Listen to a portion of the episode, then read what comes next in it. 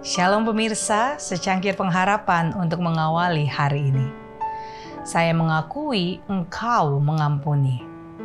Dosaku kuberitahukan kepadamu, dan kesalahanku tidak laku sembunyikan. Aku berkata, aku akan mengaku kepada Tuhan pelanggaran-pelanggaranku, dan engkau mengampuni kesalahan karena dosaku.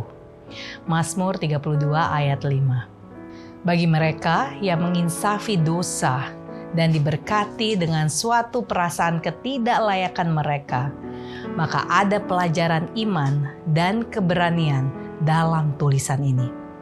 Alkitab mengungkapkan dengan setia akan akibat kemurtatan Israel. Tetapi itu juga menonjolkan kerendahan hati yang mendalam dari pertobatan, pengabdian yang sungguh-sungguh, dan pengorbanan yang berdasarkan kemurahan hati yang menandai saat-saat mereka kembali kepada Tuhan. Setiap pengalihan yang sejati kepada Tuhan mendatangkan kesukaan yang tenang ke dalam kehidupan.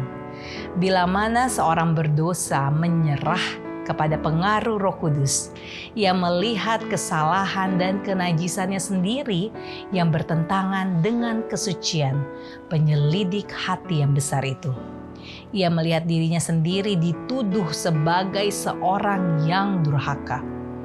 Tetapi ia tidak demikian oleh karena hal ini membuka jalan kepada kekecewaan karena pengampunannya telah disediakan ia dapat bersuka-suka dengan perasaan dosa diampuni dalam kasih Bapa di surga yang mengampuni itu. Kemuliaan Allah lah yang memagari orang-orang berdosa yang bertobat di dalam tangan kasihnya untuk membalut luka mereka dan membersihkan mereka dari dosa dan untuk menyelimuti mereka dengan jubah keselamatan. Alfa dan Omega jilid 4 halaman 255 dan 256. Mazmur Daud mencakup segala macam pengalaman, mulai dari dalamnya kesalahan yang disadari dan hukuman yang dijatuhkan oleh diri sendiri, sampai kepada iman yang paling agung dan hubungan yang amat luhur dengan Allah. Catatan hidupnya menyatakan bahwa dosa hanya akan mendatangkan kutuk dan kehinaan tetapi bahwa kasih dan rahmat Allah dapat menjangkau sampai kepada jurang yang paling dalam.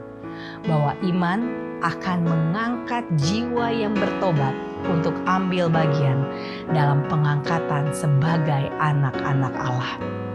Dari segala jaminan yang terkandung di dalam firman-Nya itu, merupakan salah satu kesaksian yang paling kuat akan kesetiaan keadilan, dan perjanjian rahmat Allah.